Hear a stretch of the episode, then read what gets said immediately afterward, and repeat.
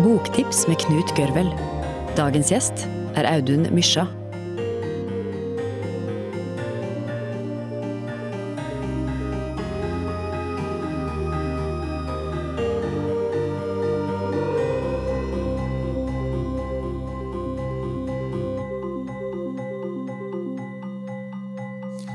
Velkommen til Boktips live her i Cappelen Dam-huset. Jeg heter Knut Gørvel, er salgs- og markedsdirektør i Cappelen Dam. Vanligvis så har vi stappfullt hus her når vi har Boktips live hver måned. Nå er vi hjemme hos deg. Vi håper dette skal bli en kjempefin kveld, og den handler om kunsten å finne ro. Den neste gjesten som kommer nå, er eh, den som har satt, eh, eller boka hans, har satt eh, tittelen på dette programmet. Kunsten å finne ro.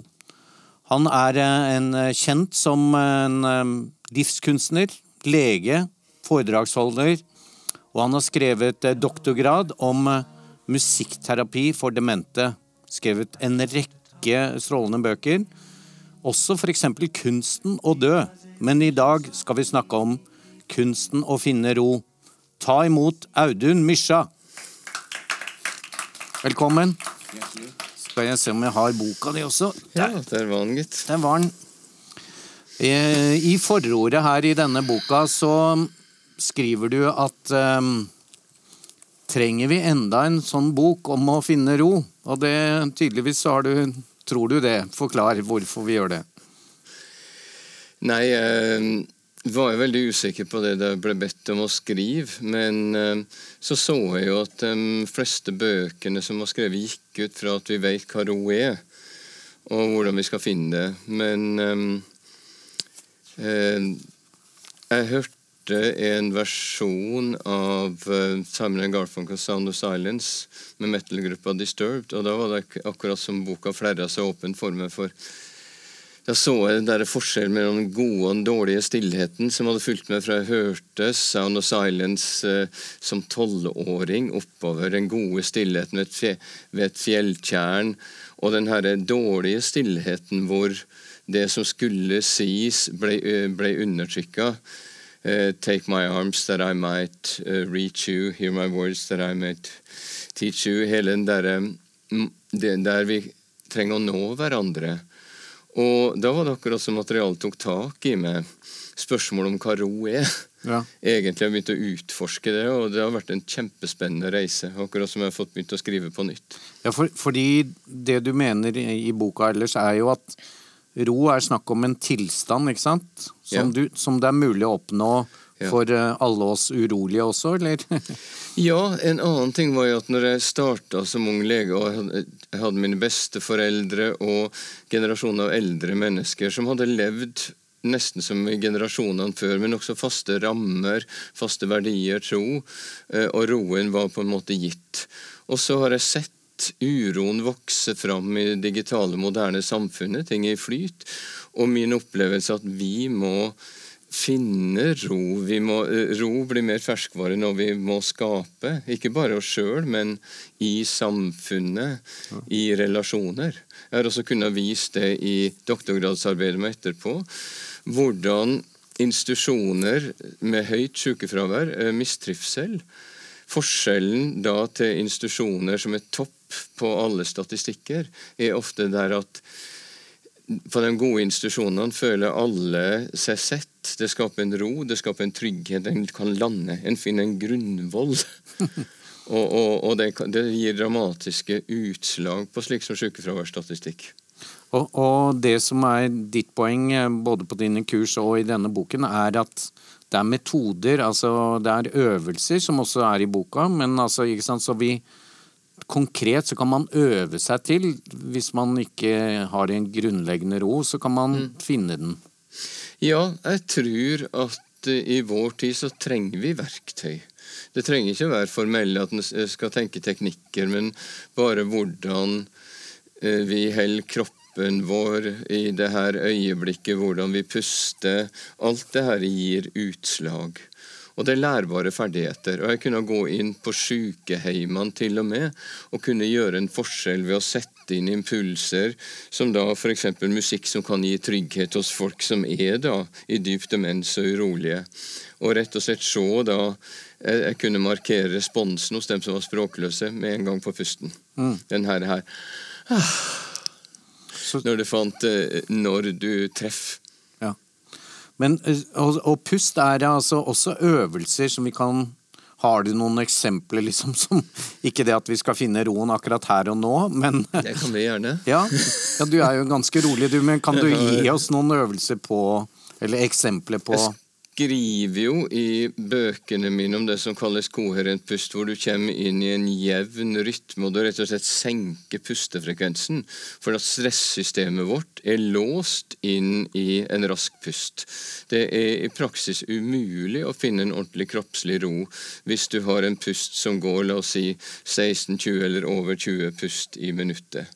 Og det her er lærbart. Jeg har gått inn i alle mulige sammenhenger og ser hvordan mennesker som er ramma av stress, bare med å kunne gjøre den enkle endringa av pustefrekvens, rett og slett får hjelp til å finne ro. Det er bare én av de mange pusteøvelsene som er i boka. ja. Men du kan ikke vise det her og nå, altså. Det, det, Jo, jo. fordi, ja, gjør det, fordi Altså fordi det er noe med å blåse ut for lenge og altså, eh, jeg, jeg så jo når jeg undersøkte eh, ansatte på sykehjem der hvor det var høyt sykefravær og mistrivsel. Så når stresset tok, så begynte de å gå inn i et mønster hvor du får den der den raske innpusten, og så hell. Mm. Og så utpusten, hvor var den? Ja, skal komme. Den evige innpusten, og så låsning her. Og jeg så at bare da med å koble inn en utpust Mm. og forlenge utpust, for da blir ofte utpusten Og bare eh, å lære dem opp til da å bevisstgjøre pusten slik at utpusten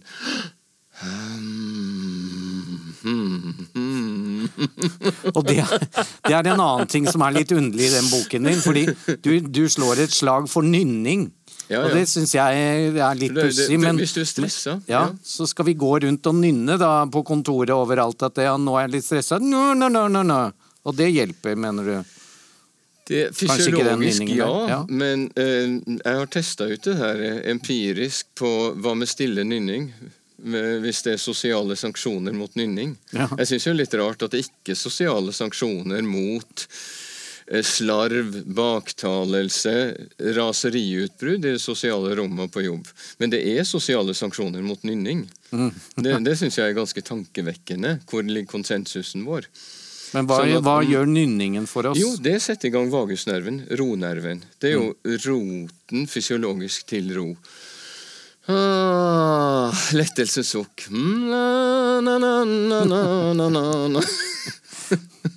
altså, jeg skjønner at jeg også da er litt eh, sånn sosialt eh, ødelagt, så jeg føler at det er litt rart. En annen ting, men jeg støtter det fullt ut, jeg har forståelse for det. Men en annen ting som jeg reagerer på i boken, ut ifra personlig dårlig erfaring, det er at du snakker om at vi må ta morgenen tilbake, eller eh, morgenmirakel, eller hva du skal si. Jeg er jo selv ekstremt dårlig om morgenen og er vant til å være litt sånn suicidal. Og du kommer med teknikker for eh, sånne som meg og andre at eh, her må det gjøres noe. Og så foreslår du f.eks. 20 sekunder rask løp på stedet. Og det er liksom det siste jeg ville ha tenkt på når jeg står opp. Men dette mm, virker. Altså, Jeg tar jo fram de metodene her i boka som jeg rett og slett har fått til å virke hos folk som er suicidale om morgenen. Eh, rett og slett det å ta 20 sekunder er en av de tingene jeg har fått folk til å gjøre. Kanskje ikke det. Og som sagt, du kan til og med om du ikke gjør det, som jeg snakker om, om du ikke kan nynne, føler du, så kan du gjøre det i intensjon. For det er en stor del av virkninga av et tiltak. Du, ser, du tenker hmm, eller du forestiller deg ok, nå gjør jeg noe. Fordi at de suicidale tankene du uggen, dem er jo en sirkel i seg sjøl. Og det jeg snakker om i det her kapittelet om morgens mirakel, er ikke at vi skal være så eplekjekke. Jeg husker jeg hadde en kort og lite ærrik karriere i noe som heter Speideren. Og da eh, våkna jeg på sånn luftmadrass, og da regna gjennom teltet, og så kommer festlig speideren. God morgen, god morgen, vi hilser. Så, så, jeg sier ikke at vi skal være så festlige, men jeg sier at vi kan stoppe negative sirkler. Mm. For du må huske på, nå har jeg jobba med mennesker som sliter i 40-45 år. Og eh, det jeg ser, eh, er jo at vi blir fanga i onde sirkler. En depresjon Det er normalt å være lei seg, men ofte blir depresjonen onde sirkler. Tankene kretser negativt. Holdninga blir slik, pusten blir slik. Og hvis du kan hjelpe mennesker til å, å snu onde sirkler, så kan du starte en, en, prosess med endring. Og det er jo det som er sett nå gjennom årene, noe av det viktigste å få til med endringsprosesser. For folk kontakter jo ikke engang meg for å si 'hei, Audun Mysja, jeg kommer for å fortelle hvor fantastisk jeg har det'. Det er jo fordi at det er ting de sliter med. Og, er... Indre uro er jo en ting som har gått igjen veldig mye de siste 20 årene. da. Og Det er veldig fint i boka di at du har mange konkrete eksempler da, på på hvordan folk eh, både har det og bruker teknikkene dine. Og da Du snakker også om støy og stress, og også forskjellen på at noe som er støy for meg, kan være fint for deg, eller omvendt. Ja. Så, så, fortell litt mer om um, altså, Folk er jo veldig forskjellig oppfatning av hva som er stress, for da. Ja, og der er jo Eh, signal og støy, hvis vi ser på medisinsk forskning, enn på absolutter når det gjelder stressystemet. Det er veldig forskjell på da hva folk eh, tåler av støy, hva slags musikk de liker osv. Men likevel så vil vi tåle kun en viss mengde av det vi kaller støy. Det F.eks. hvis vi har en, en samtale, hvis vi misforstår hverandre Eh, eller en kommer i en krangel, det er snakk over hodet på deg osv., så, videre, så vil det ende opp som støy. Mm. Alt du ikke kan ta inn som blir meningsfullt. Den gode samtalen er signal. signal. Og, og, det er et mål i seg sjøl når folk sliter med stress. For det er jo ofte Vi ser på moderne PET-scans at det er ikke noe myte at det koker i hodet, for det gjør det. Altså Signalene i hjernen er støysignaler. Og da er det jo et mål, tenker jeg, at vi får mest mulig eh, eh, det vi kan kalle signaler, at du minsker støy på alle plan. Det er også en samfunnsoppgave ja. å, å, ta på alvor hva støy gjør med mennesker. Og du snakker om i boka om eh, at vi har på en måte sånn indre altså kokeplate eller termostater og sånn. Fortell litt mer rundt det. Nei, det er, det er så når jeg undersøkte da forskjellen mellom mennesker som sleit F.eks. jeg gjorde en eh, studie på pårørende til alvorlige sykdommer som kreft og demens. Det var noen som klarte seg veldig bra, noen som klarte seg dårlig. Jeg prøvde å forstå hvorfor. Og jeg så at dem som klarte seg dårlig, var dem som gikk med kokeplata på hele døgnet. De, de, tenkte, Når de ikke var på besøk, så tenkte de på sin nære kjære. De hadde ikke noe frakobling. Nullstilling er en nøkkel til å finne indre ro og mestre stress. De som klarte seg godt, var de som ga alt, var helt til stede eh, når de var der, og så kobla de fra. Det å kalle kokeplata på seks, kokeplata på null. Mm. Og det er veldig mye av det jeg lærer bort på kursene jeg har, og utdanningen min kona jeg kjører også. Eh, nemlig å hjelpe folk med å klare å være skikkelig på eh, når en er på, gi alt, og så klare å skru av. Det vil da gjøre at søvnen får en annen kvalitet. Du får en annen restitusjons- reparasjonsprosess i kropp og sinn. Og da snakker du også om at man kan ta, også på jobben, en høneblund, eller altså ha en skikkelig Altså at søvn veldig kort tid kan ja. ha en enorm effekt. Ja, det, det forundra meg når jeg kjørte det jeg kaller min kamikaze-periode, småbarnsfase og stor praksis og eh, ansvar for sykehjem, HVPU-institusjoner eh, og asylmottak og helsestasjon. Oppå Og Høres ut som det, kokeplata var på ganske mye. Og det var skikkelig sånn. Eh, men så oppdaga jeg at klarte jeg å få ta en høneblund på de strategiske punktene, så var jeg helt opplada igjen. Og det var noe som undra meg, at det er en så radikal endring. Og det, eh, og det, har jeg blitt mer og mer opptatt av, for det er ikke alle som kan dra på spa eller løse ting med å komme seg unna i lange perioder, men å gå midt inn i hverdagens stress og koble fra. Du ser også eh, studier av bedriftsledere, de som klarer seg best over tid. De som har den der lille evnen til høneblunder. Eh, du beskriver som sagt mange eksempler, men du har vel, var det svogeren din som Altså har liksom vært mm. rolig hele livet, holdt jeg på å si. Er det, er det sånn som vi mange har inntrykk av at noen er jo bare født sånn?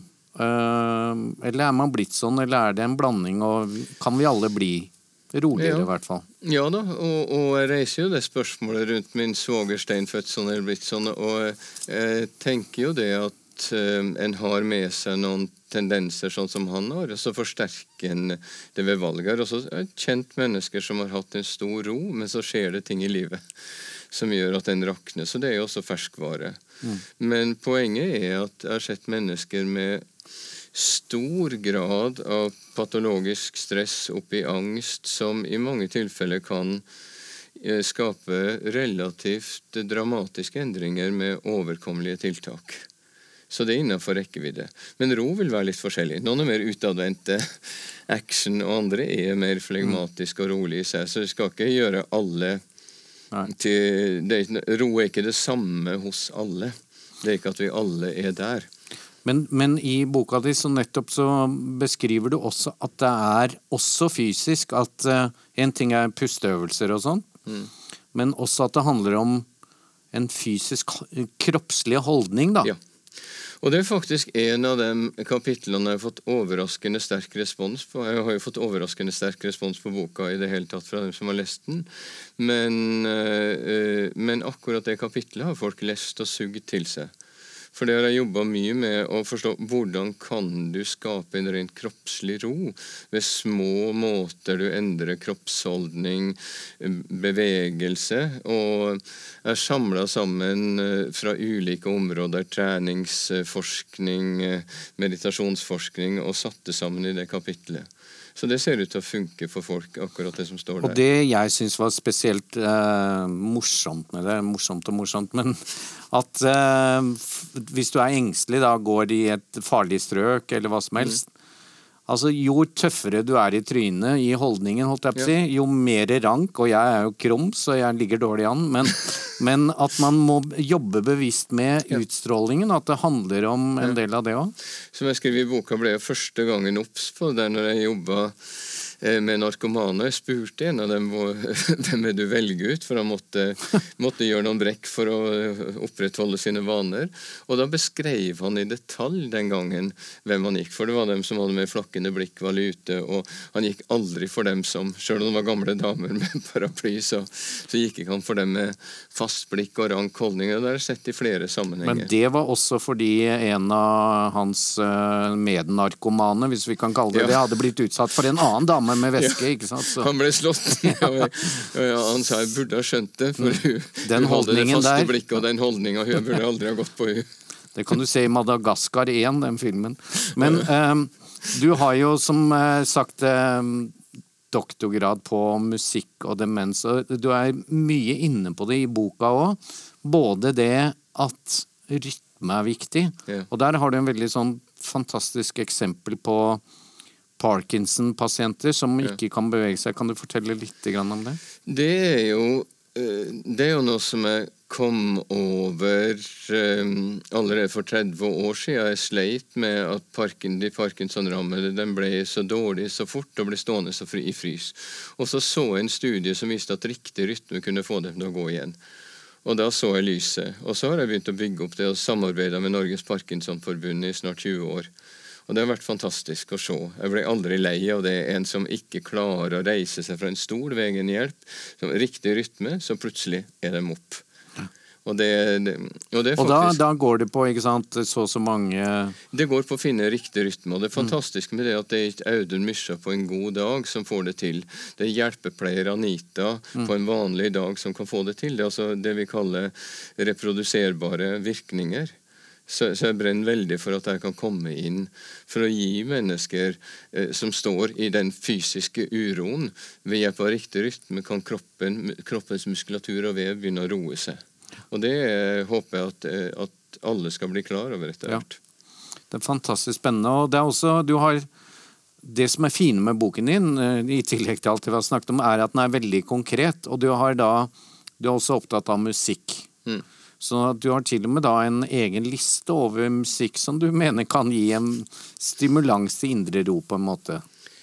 Ja, det er min liste, mm. og, og, vi er ikke, eh, som uh, sier, på et punkt hvor vi kan uh, gi da objektive uh, kriterier for det, men jeg ser jo at musikk som er komponert for å gi ro, det fungerer for de fleste. I studier jeg har vært med på én studie med Eh, noen dansker som har jobba sammen med, og det er oppi 95% som kan bruke det. Ser noe, Jeg eh, eh, har laga avspennings-CD sammen med ei ung kvinne jeg jobber sammen med, og, og, vi ser at det går rett inn i skoleverket også. Barneskolebarn kan bruke det for å slappe av. Så, så det er ikke noe heksekunst. Det som sagt som er veldig fint, er at du bruker eksempler i boka, men du bruker også eksempel da fra ditt eget liv. Og et som eh, har gjort størst inntrykk på meg, og forhåpentligvis mange andre, er jo en eh, voldsom stressituasjon der det er et menneske som er i ferd med å dø da du var lege på et sykehus. Kan du fortelle den historien? Oi. det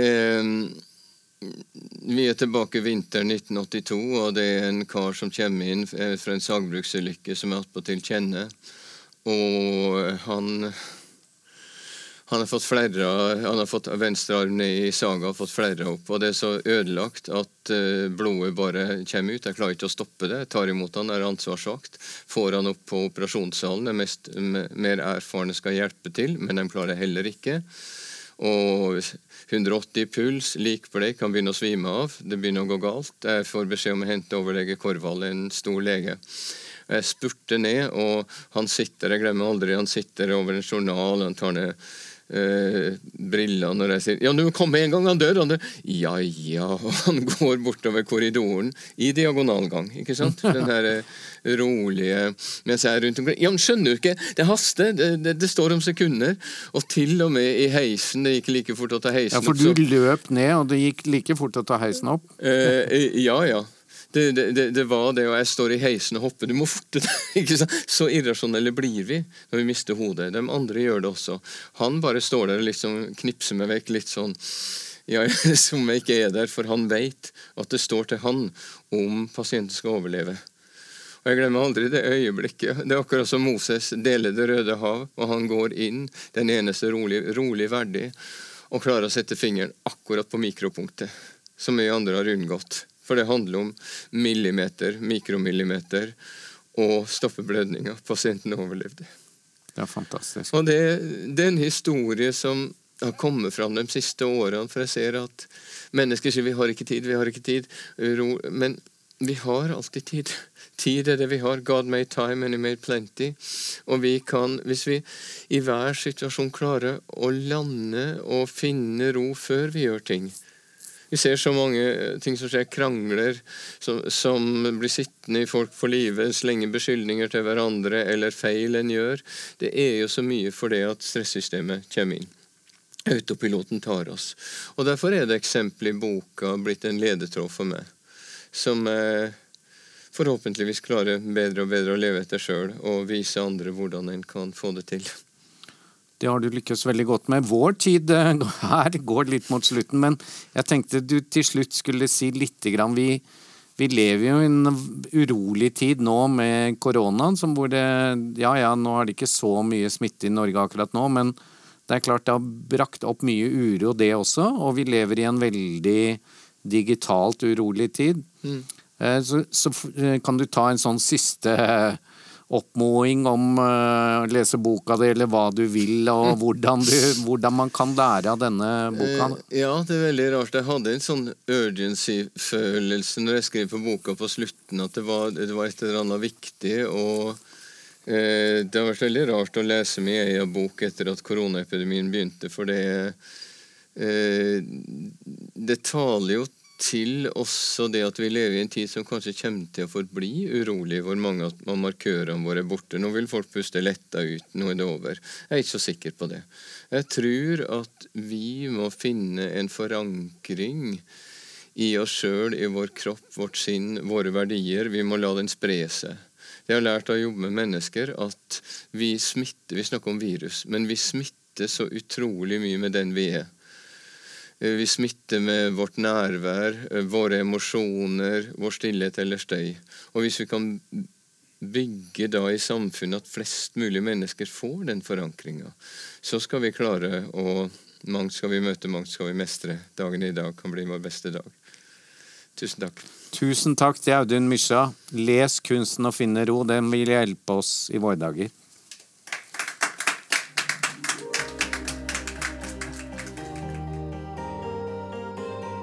Boktips, en podkast fra Cappelen Dam.